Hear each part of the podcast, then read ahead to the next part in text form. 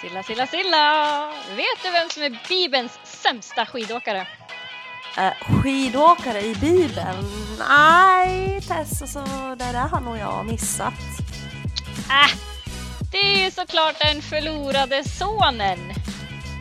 Nej äh, men Tess, vilken bibelöversättning är det ni använder i Svenska kyrkan nu för tiden egentligen? Alltså jag kan ju inte minnas någonting om att han åkte skidor.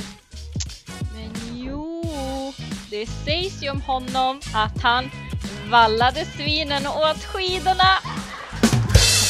No!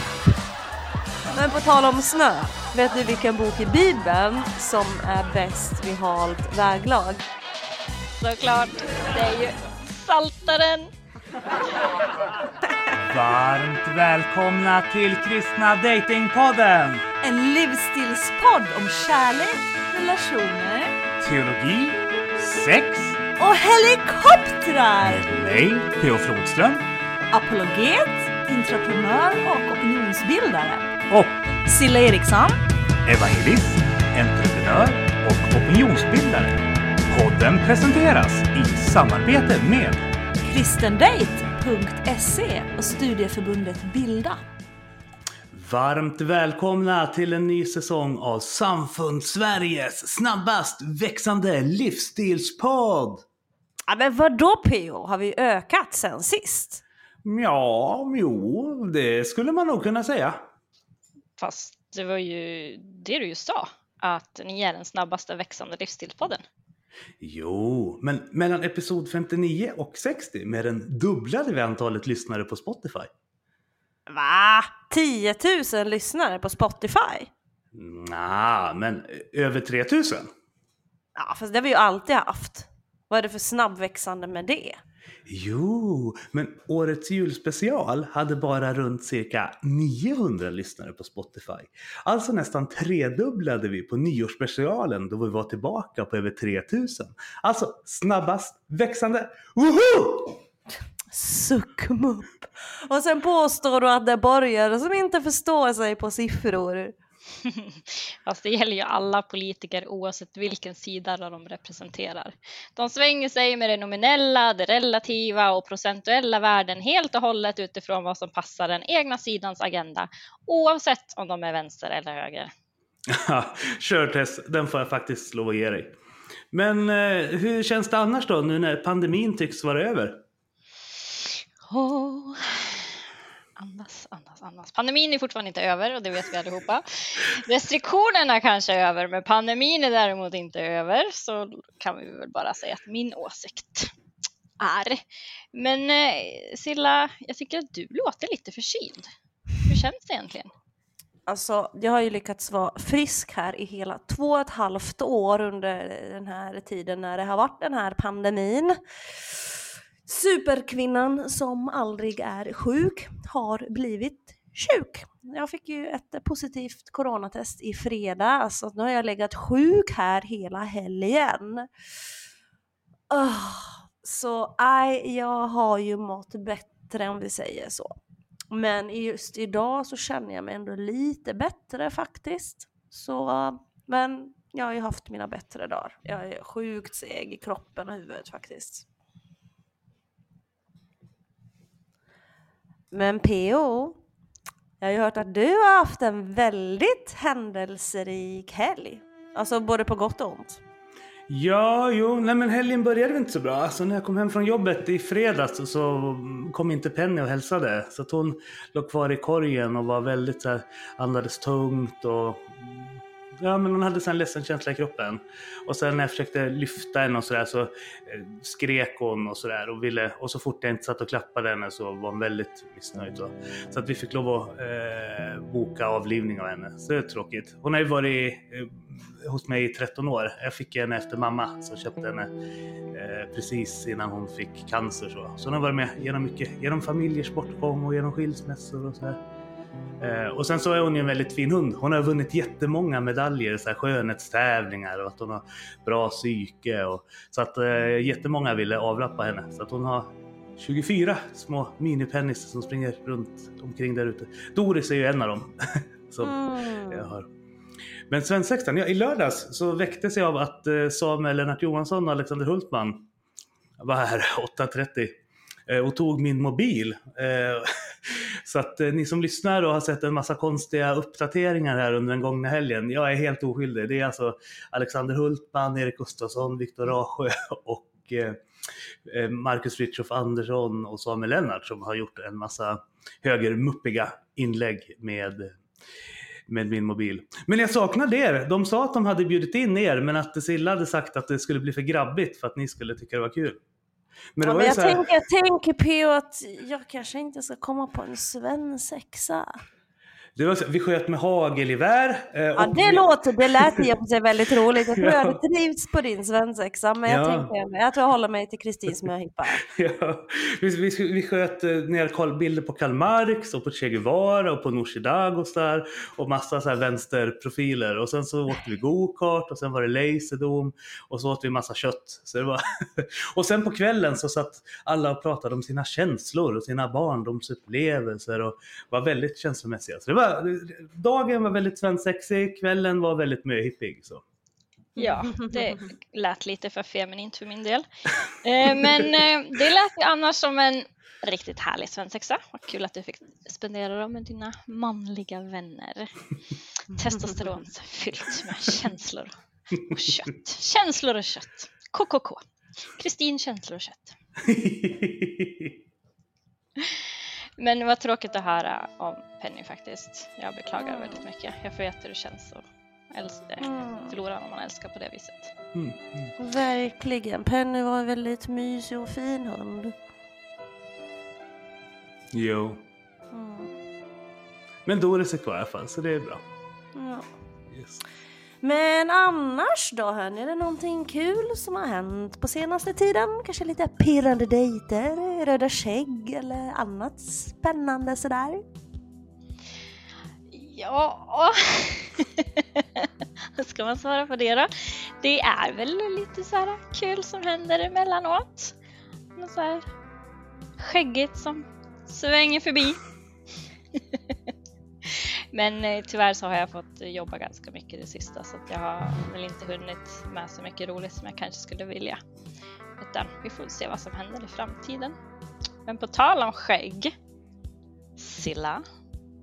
Det går rykten om att du också börjat bekanta dig med nya skägg under det här året.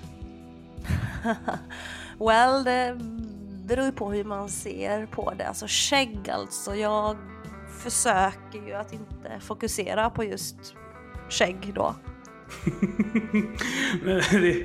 skägg eller inte, det är mysigt att ni båda fått börja ett året med lite mysiga dejter. Det förtjänar ni ju båda. Eh, framförallt efter 2021 som var lite torrlagt och deppigt för, för båda er.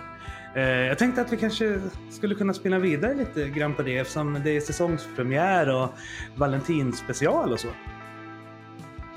Ja, men det är väl Glorious. Vad har du tänkt att vi skulle göra då? Oh, olika mystips kanske? Oh, bra idé Tess. Alltså jag verkligen avgudar det här med mys. Det är så mysigt. jo, jo, men det vet jag. ja, men alltså jag tänkte nu när det är alla hjärtans dag så, där, så kanske vi skulle prata lite om vägen till mys. Alltså eh, lite, lite, olika förslag på dejter och kanske lite dos and don'ts när man dejtar. Ja, fast å andra sidan, alltså dejter kan ju också vara mysiga. Men det låter ju helt klart glorious. Alltså jag tycker ju att väldigt många har alldeles för tråkiga dejter.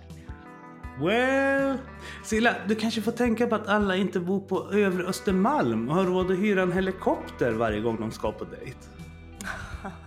Ja, man kan faktiskt ha bra dejter även om en helikopter inte är inblandad.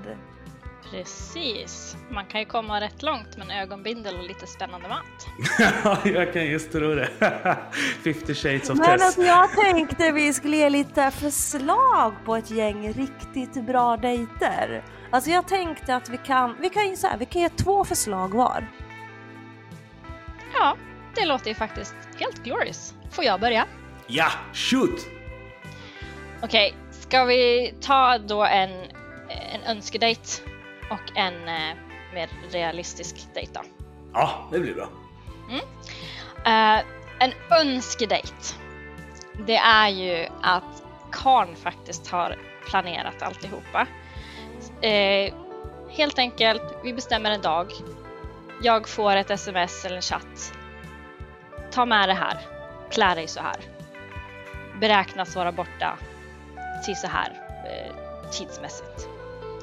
Jag skulle älska det såvida vi inte ska klättra i berg eller liksom sådana saker. Karn måste ju känna mig lite så att han inte drar iväg mig på vandringstur över Kebnekaise eller något sånt där. Nej men eh, överraskningsdejt. Det skulle jag tycka var hur kul som helst. Lite vin, lite god mat. Eh, något realistiskt det är också eh, när man träffas upp och så kanske man promenerar. Jag tycker liksom om att här i Gävle så finns det en park som heter Bolongen- kallas den. Och den är faktiskt jättemysig att gå runt i och titta på. Eh, så då går man runt en fin dag till exempel, man pratar, man liksom skulle konversationen stagnera någonstans så finns det alltid längs vägen man kan kommentera saker. Ja, men här är högskolan och här spelar man minigolf och sånt där. Där brände vi en bock nakna en gång när jag var ung. Kanske inte dra upp sådana detaljer. Och sen jag menar, har man gått runt och promenerat i den friska luften och man verkar komma överens så finns det alltid så här kaféer om man känner att man skulle vilja ja, träffas lite längre stund eller om man vill verkligen träffas en längre stund så kan man kan gå in på en restaurang och, och käka liksom. Det beror ju lite på hur bra man kommer överens. Så det tycker jag. Ja, önskedejten. Liksom den, det perfekta, mest glorious en kille kan hitta på ifall han vill få dig på fall. Önskedejten är ju då överraskningsdejten. En mer Ja. realistisk dejt är promenad och fika. Men vadå, det är väl inte så orealistiskt att få en överraskningsdejt? Det är väl, ska man nästan ta som en självklarhet tycker jag, att man kan få det. Ja, inte vet jag. Alltså utöver PO så är det inte jättemånga karlar som tycker om att planera på sånt sätt. Jag ska lära upp rödskägget med alla tips jag har i handboken. Tro mig. Vad tråkigt att det ska vara så. Det är lite mer, jag, jag, äl- jag bokstavligen, jag älskar överraskningar. Det är det bästa jag vet i livet. Det är ju överraskningar. Så det är nog nästan ett krav från min sida. Att det måste vara en kar som kan fixa överraskningar. Annars kommer det inte bli till någonting. Men du är ju lite mer aktiv. Alltså jag skulle inte ha något problem om vi drog ut och åkte lite längdskidor och sånt där. Men då menar ju inte jag alltså tre mil mellan Oxberg och Mora. Utan vi kan ju köra fem kilometer spåret där i Hemlingby liksom med lite picknick. Där är min nivå. Låt som mig och Kristin. Ja, så har vi Sillas. Sillas nivå, om vi säger att jag är på brons så har vi platina. Silla på platina. Jag förstår att du gillar överraskningar, men dina överraskningar är kanske lite mera golden. I limousiner och Berns och spelar in, skriver en sång. Och, Ja. Men du då Silla, vad är dina tips? Ja, alltså för det första om vi tar det här från början nu då. Och så är det ju för det första viktigt med en inbjudan. Du vet ju jag och PO, vi brukar göra så här pdf-inbjudningar. Det är ju liksom, det börjar ju redan där med en snygg inbjudan och att så här, men bygga upp en förväntan på kvällen och dejten. Sen så tycker jag det är väldigt, väldigt roligt med ett överraskningsmoment som jag sa. Alltså jag älskar ju verkligen det här med överraskningar. Och man behöver ju inte i inbjudan skriva ner alla detaljer. Alltså exempelvis om ni ska käka middag. Middagen kanske är på en båt eller i en helikopter. Sen så tycker jag att en bra dejt ska ju gärna vara någonting aktivt men eh, alltså gå på bio måste ju vara världens sämsta dejt. Alltså tänk, sitta och stirra på en film i två timmar. Då lär man ju inte liksom känna varandra. Alltså gärna någonting så här där man får kommunicera, och man får så här lösa problem tillsammans. Mm. Om jag så här ska ge två konkreta tips på dejter så skulle det nog kunna vara, ja men ett så här att bjuda hem personen på middag. Det är alltid så här fint tycker jag att bli hembjuden till någon. Och en persons hem säger ju också väldigt mycket om en person. Eh, så se till att personen känner sig välkommen liksom så här, genom att bjuda på favoritmaten eller du kanske har köpt en present till personen. Eller så här, gjort ett utmanande quiz som personen ska lösa innan middagen kommer in. Var lite oväntad och var lite utmanande och så ser det så hur personen reagerar på det. Och sen tänker jag att man så efter middagen så kan man ju ta en promenad till en favoritrestaurang eller en bar där man tar ett glas vin. Ska vi inte bara ge lyssnarna lite inside där om att eh, om man vill överraska Tess så är det en flaska mycket viktigt. Den får inte komma i Tetra Pinot Noir. Och är det Silla så är det saker som involverar getost. ja, okej. Men, äh, ba, Men, alltså äh, Silla, Mm. om man ska göra en quiz om någon person, då, alltså Mm. om du ska bjuda hem någon för det första och göra en quiz, då har ni ju pratat ganska mycket innan. Ja. Om det här ska vara en första dejt liksom. Ja, men jag tänker bjuder man hem någon på en första dejt då vill man nog gärna veta lite om personen Mm. innan man bjuder hem Mm, ja någon. men precis, det är inget spontant. Nej, det är Nej. inte det. Nej. Ja men fortsätt, det här är jätteintressant att höra. Ja, nej men äh, dejt nummer två, då skulle jag kunna tänka mig att eh, slänga in någonting, att göra något så här utmanande tillsammans. Typ så här, köra go-kart, hoppa bungyjump, eller testa flyga segelflygplan eller något annat utmanande som båda gillar. Och vet man att personen är äventyrligt liksom lagd sådär så kan man ju med fördel hålla vad ni ska göra hemligt och låta det hela bli en överraskning. Att liksom testa göra nya saker ihop, det är ju också ett väldigt, väldigt bra sätt att lära känna varandra. Kjell och så var jag på en thaiboxningsdejt för några veckor sedan. Mycket spännande faktiskt. Så det är, väl, det är väl de två dejterna jag skulle uppskatta mest. Och det överraskningsmomentet för mig, det är väldigt viktigt. Som ni har förstått. Men eh, PO, vad, vad säger du?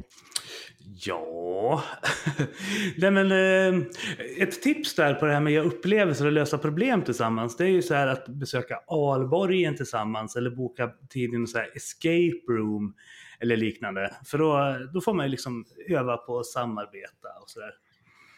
Men Eh, återigen, då är det någon du måste ha pratat med ett tag innan. Om du ska liksom sätta dig i flera timmar instängd i ett rum. ja, nej men annars så måste jag nog fundera lite på den. Jag, är ju ingen seriedejtare som Silla och Tess riktigt. Så att vi, vi, vi kanske ska lyssna på veckans låt under tiden. Eh, den är inskickad av Martin Nurmi som till, dagar, som till vardags eh, annars brukar spela i Räven.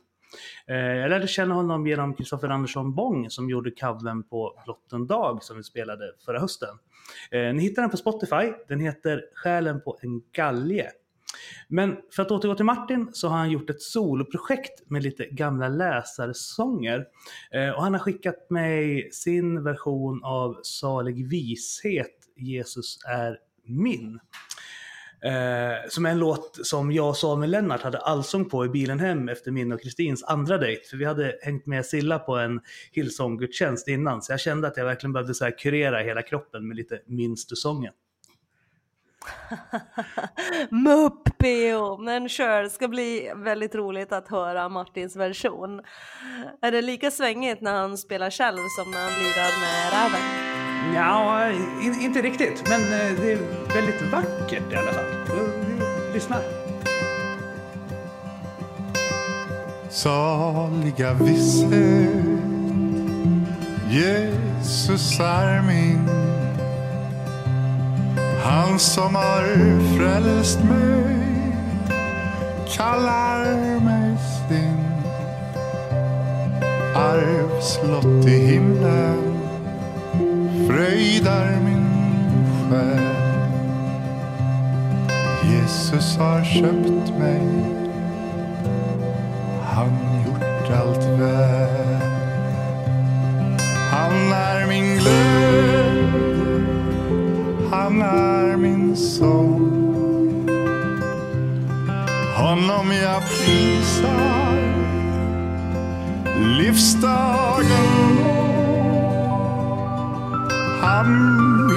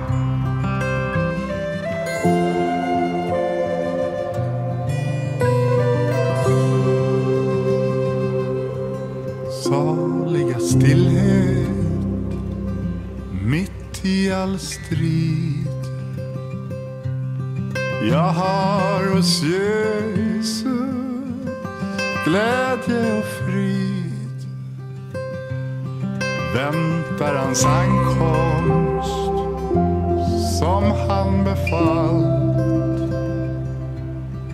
Själv är jag intet Jesus är allt. Han är min glädje, han är min sång. Honom jag prisar livsdagen lång. Han blir min lovsång evigt hos Gud. Han är min brudgum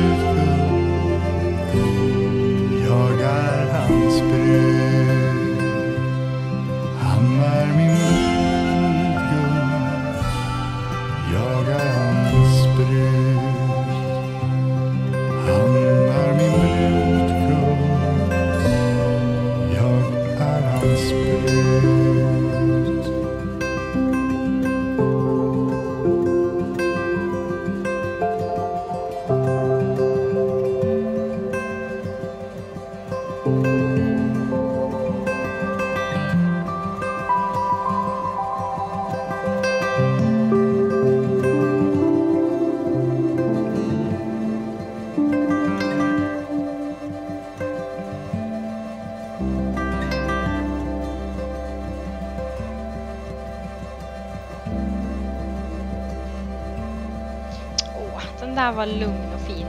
Lite mer min stil än Hillsong Disco. Vadå?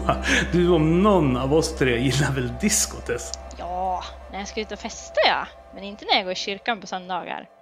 Var sak har sin tid, som predikaren säger i kapitel 3. Hmm, predikaren. Alltså den har inte jag läst så mycket om jag ska vara helt ärlig. Kan inte du påminna mig lite? Men absolut! Gör er redo för Glorious Bible Study by Tess. Okej. Predikaren 3.1-8 B 2000 Allt har sin tid. Det finns en tid för allt som sker under himlen.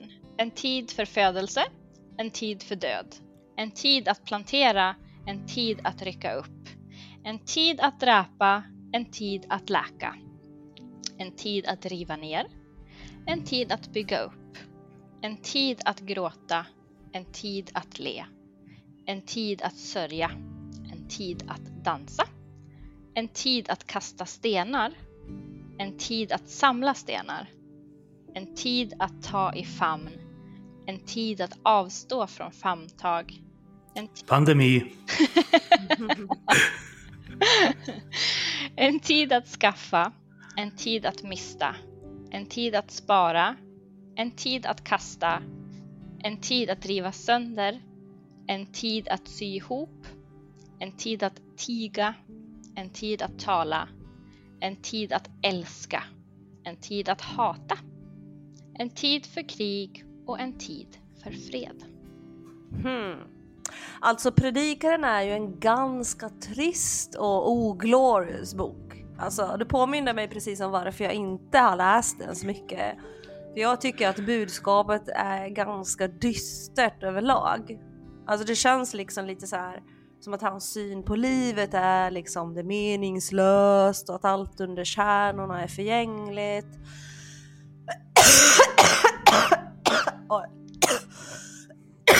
Ja, ursäkta, jag har som sagt corona så jag är lite hostig. Ja. ja. Tid att vara Ja. sjuk. Ja, Ja. tid att vara En tid att ta Ipren.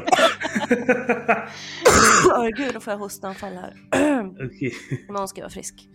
Ja. Ja. Nej men det känns som att hans syn på livet det är liksom det meningslöst och att allt under stjärnorna är förgängligt. Jag menar seriöst. Jag läser ju bibeln för att bli uppbyggd och inte för att höra en, så här, en gammal vresig gubbe mansplain om alla världens mödor och bekymmer. Alltså det är inte direkt så att jag inte både ser och upplever dem ändå. Jo, ja, men det, det, är, det är sant. Så. Eh, Predikaren är väl egentligen inte min, min favorit heller, så jag tyckte det var lite kul att Tess hade valt ut det stycket.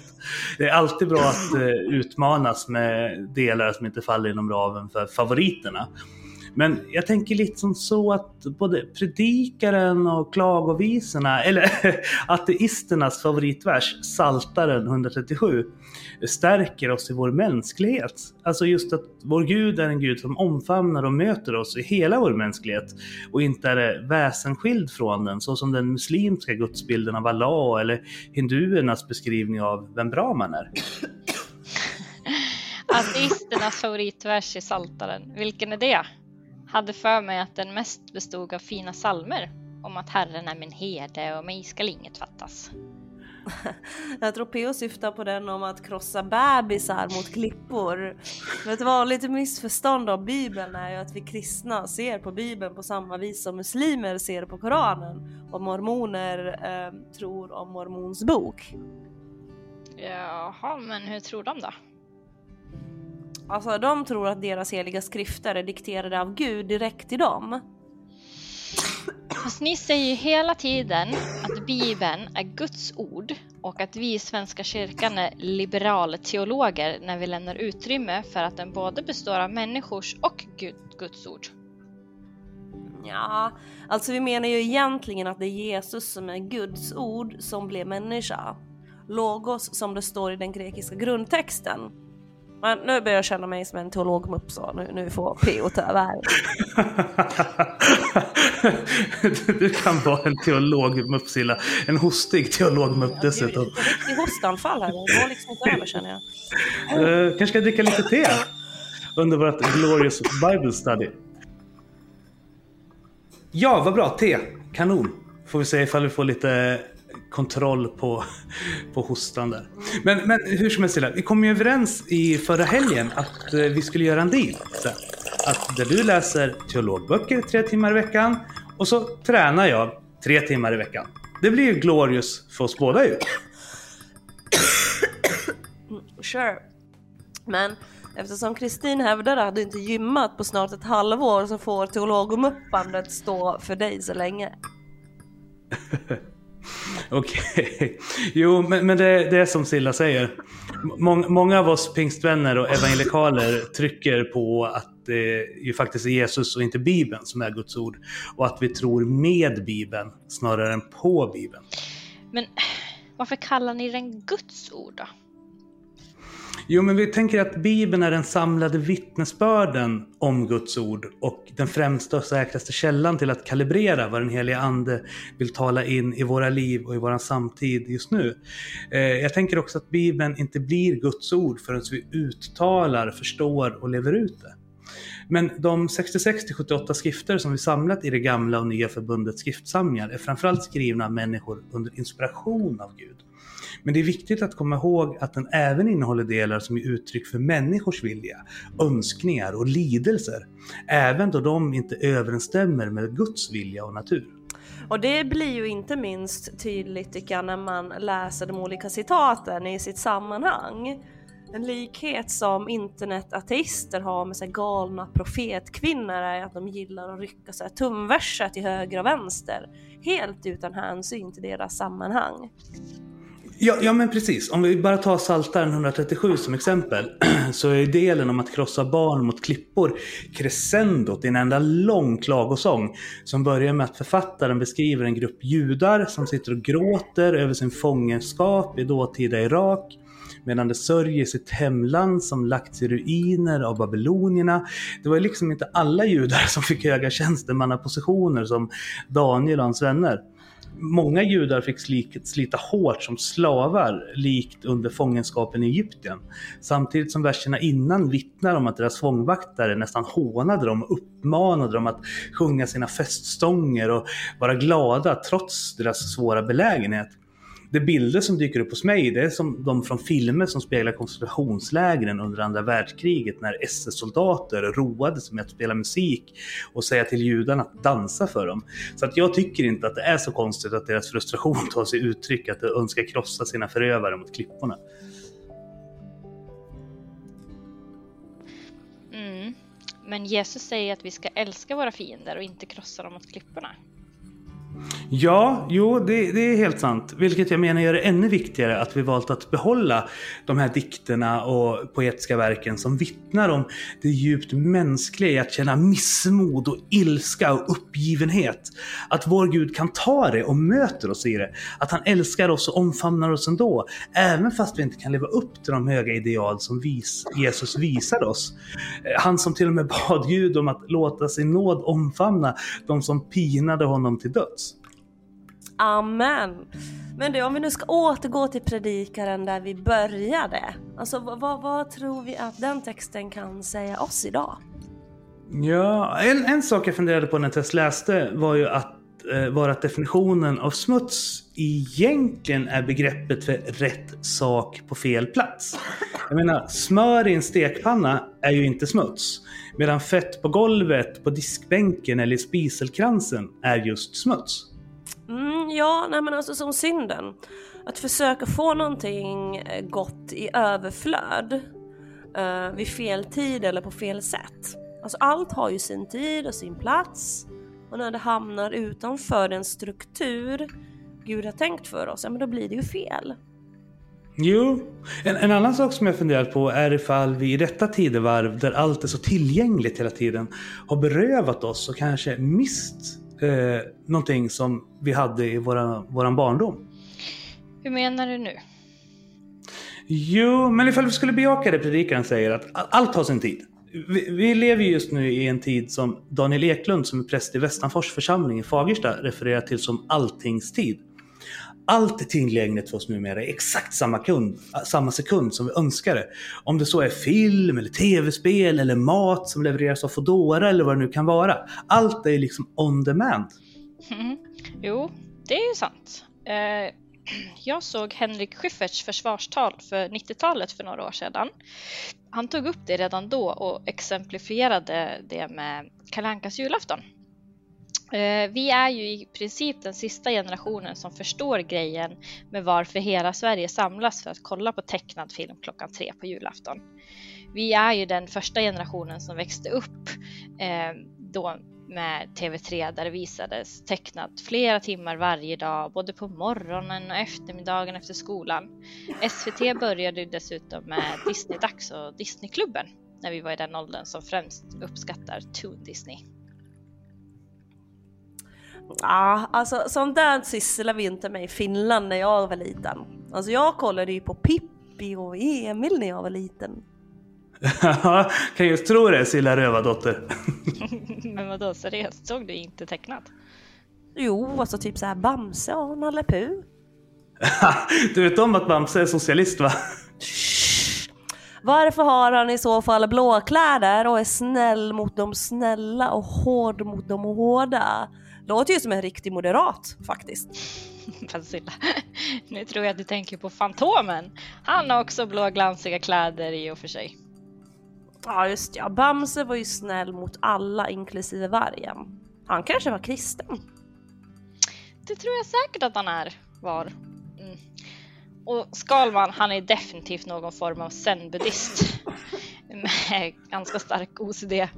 Så Bamse är säkert kristen. Eh, anyway, en del saker fick en helt annan glimmer just på grund av att det inte alltid fanns tillgängligt. Kalle Ankas julafton är ju bara ett exempel. Även saker som godis, chips och pizza minns jag smakade mycket godare när jag var liten än sen i tonåren då tillgången till det ökade frekvent. En sak som många jag möter i mitt jobb som arbetsmarknadsanläggare vittnar om är att det just saknar känslan av att få ta helg. När du bara sitter hemma hela tiden och inte gör någonting. Många kompenserar det därför genom att dricka alkohol på helgen för att få en skillnad i lunken mellan vardag och helg. Men jag vet inte om det är så lyckat i längden heller. Nej, det tror jag faktiskt inte.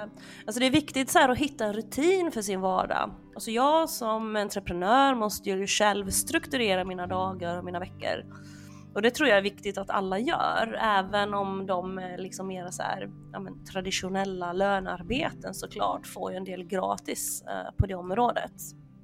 Jo, så jag tror att det vi kan ta med oss från Predikan 3 är just det. Vikten av att strukturera vår tid och att vi människor kanske mår bättre av ifall allting har sin tid. Och att vi inte är skapade för alltings tid, där allting är tillgängligt för oss hela tiden. Mm. Där tror jag inte minst är viktigt för småbarnsföräldrar. Det här med att begränsa skärmtid både för sig själv och sina barn. För att inte beröva både sig själv och barnen då både anknytning och en uppskattning för världen utanför skärmen. Ja, eller att beröva dem känslan av att få någonting som du liksom har gått och längtat efter eller väntat på. Det försvinner ju om allting är on demand hela tiden. Ja, och allt är ju tillgängligt hela tiden. Så tror jag, alltså, om allt är tillgängligt hela tiden så tror jag det tappar lite av sin attraktionskraft. Eh, Funkar ju lite likadant med killar och dating också faktiskt. Alltså ibland kan jag så här misstänka att jag främst vill ha det som jag inte kan få. Och när jag väl får det så blir jag otrygg och undvikande. Mm. Oh, jag hatar när det händer. Jag tror att jag är nog li lite likadant faktiskt. Mm, deppigt. Eh, jo, kanske det. Men så länge man är medveten om det själv så kan man ju faktiskt aktivt också jobba med det. Och det gör i alla fall jag. Men eh, P.O.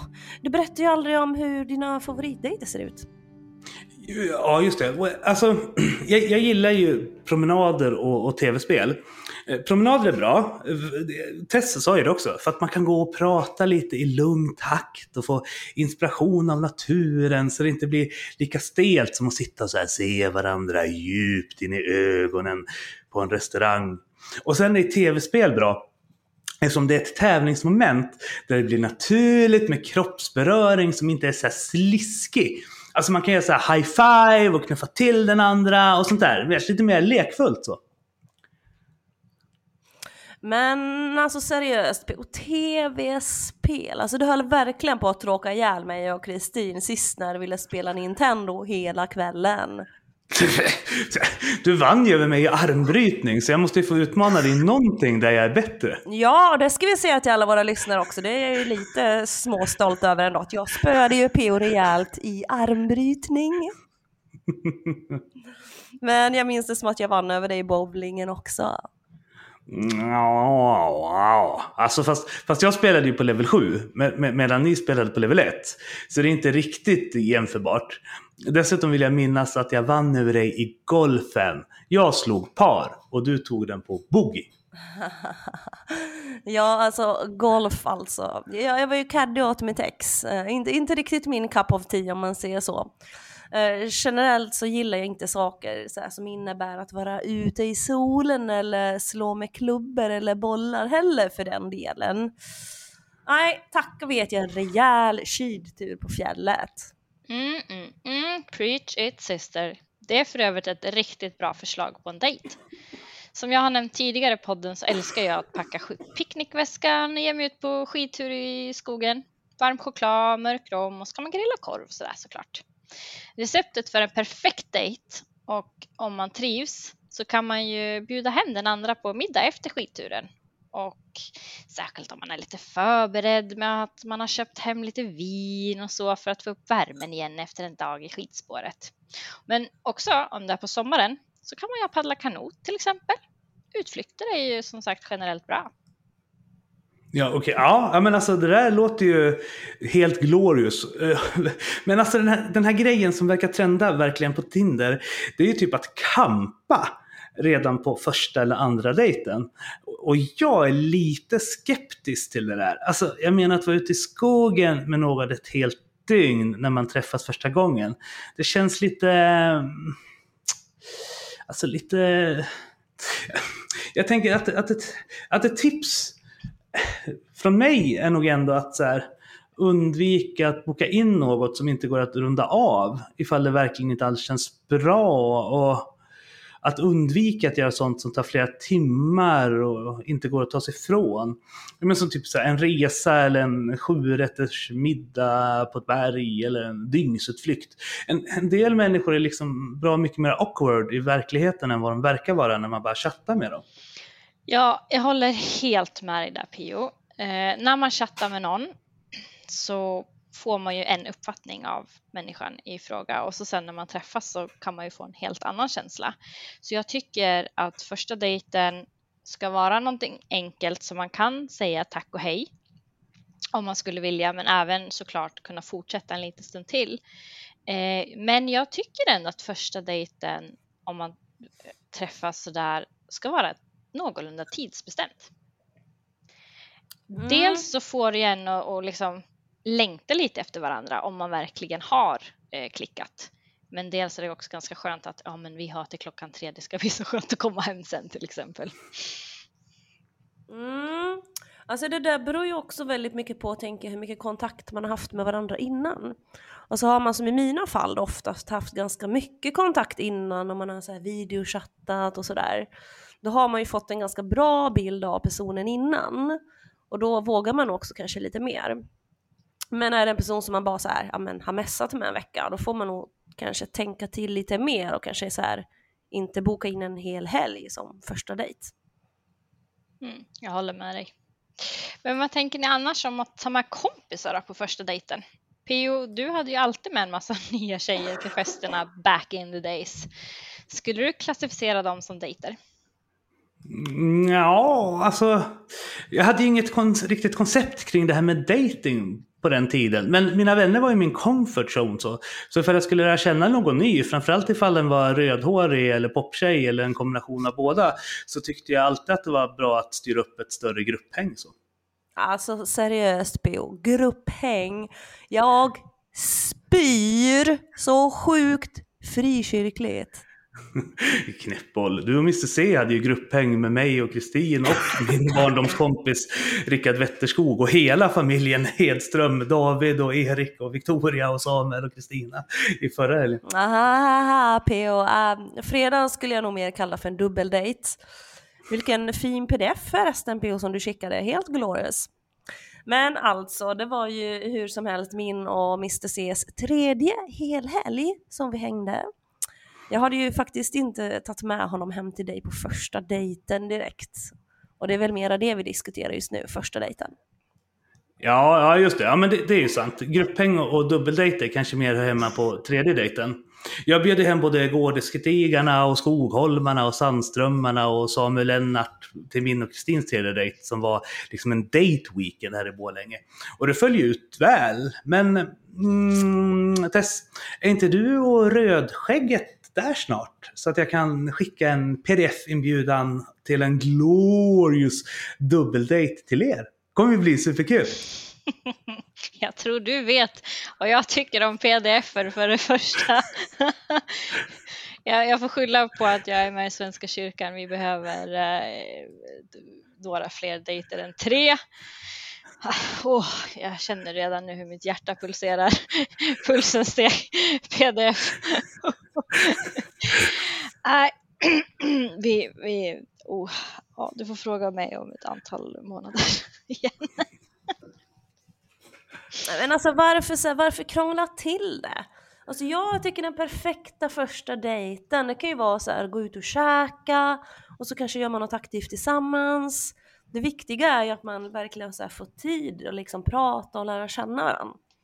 Alltså seriöst B, en av de mest korkade sakerna som man kan göra på en första dejt, det måste ju ändå vara att gå på bio och ingenting mer. Alltså missförstå mig inte. Alltså det kan ju vara supermysigt så här att gå på bio, absolut. Men egentligen, man sitter ju bara tyst i mörkret och kollar på filmen. Alltså det finns ju absolut inget utrymme för att så här lära känna din dejt. Ska det gås på bio så måste det tas, alltså måste vara i kombination så här med en fika eller en promenad efteråt. Alltså, annars blir det ju verkligen liksom ingen grej så. Ja, och där håller jag med dig. Om man nu väljer att gå på bio eller något dylikt eh, som en första dejt så kan man ju alltid ta det efteråt vid fika eller middag eller något sånt där och ha det som en icebreaker. Eh, Jag vet inte, men är man som dig och PO så är väl det ganska fin första dejt för ni chattar ju och pratar och videochattar i en evighets evighet så ni känner ju personerna ganska bra. Men jag som är lite mera, ja vad ska man säga, snabb av mig så kanske jag chattar med en person i en, två dagar och tycker kanske, ja men vi kan väl träffas upp på en pub och kolla hockey. där, det här är min ambitionsnivå. Mm. Men hur brukar ni tänka så här kring valet av restaurang då?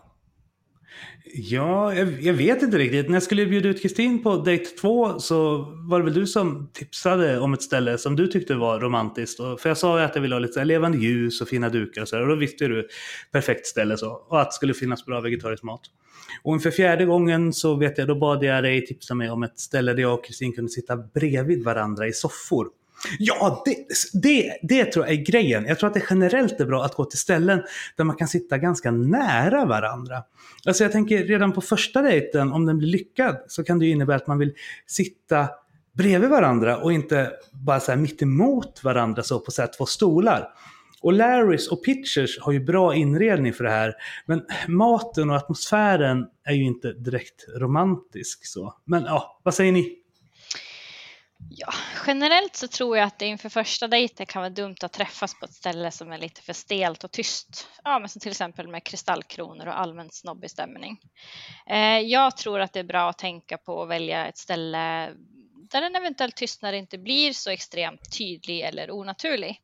Då är det bättre att välja ett ställe med en mysig atmosfär, lagom mycket folk, lagom hög musik, där man ja, i ett samtal inte är det enda som måste vara i fokus för, så, eh, för egen del så är jag inte lika skeptisk mot vare sig O'Learys eller Pitchers eh, som PO är.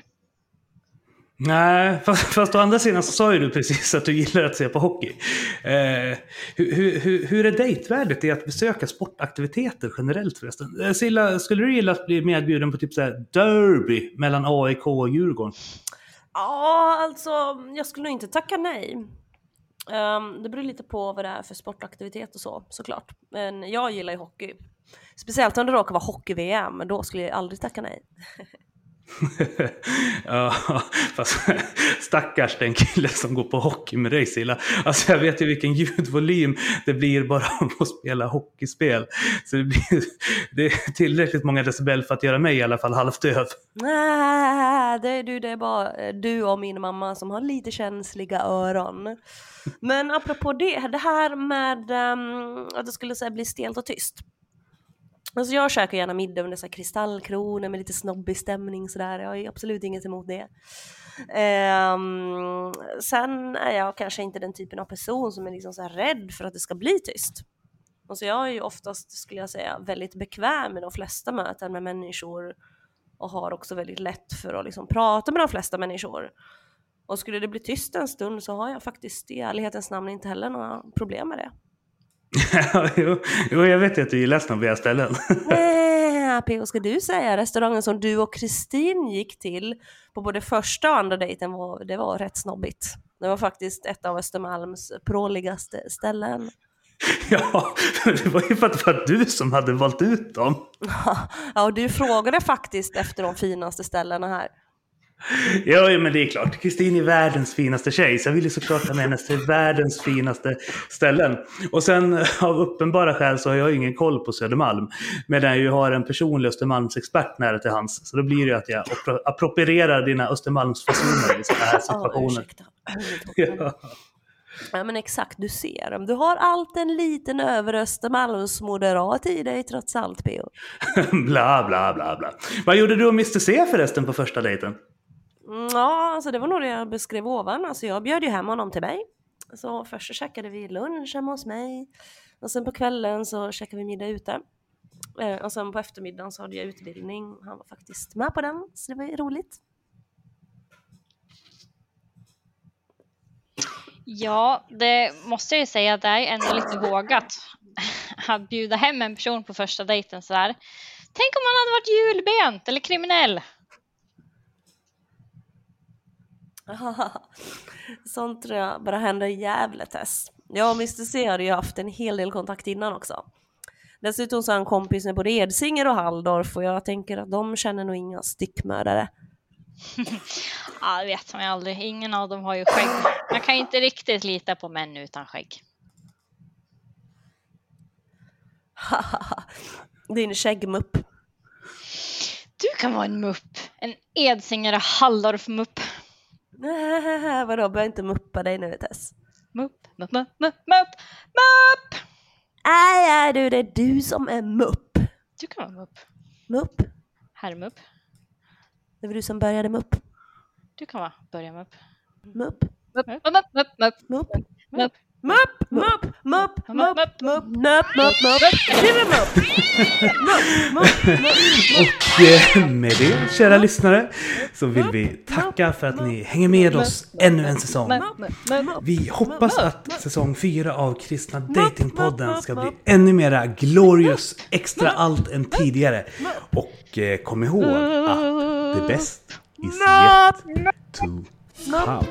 Stort tack för att du har lyssnat på Kristna Datingpodden. En livsstilspodd i samarbete med kristendate.se och studieförbundet Bilda. Mig, Silla Eriksson och Med mig, Theo Flodström. följ oss på kristendate.podbean.com och Spotify.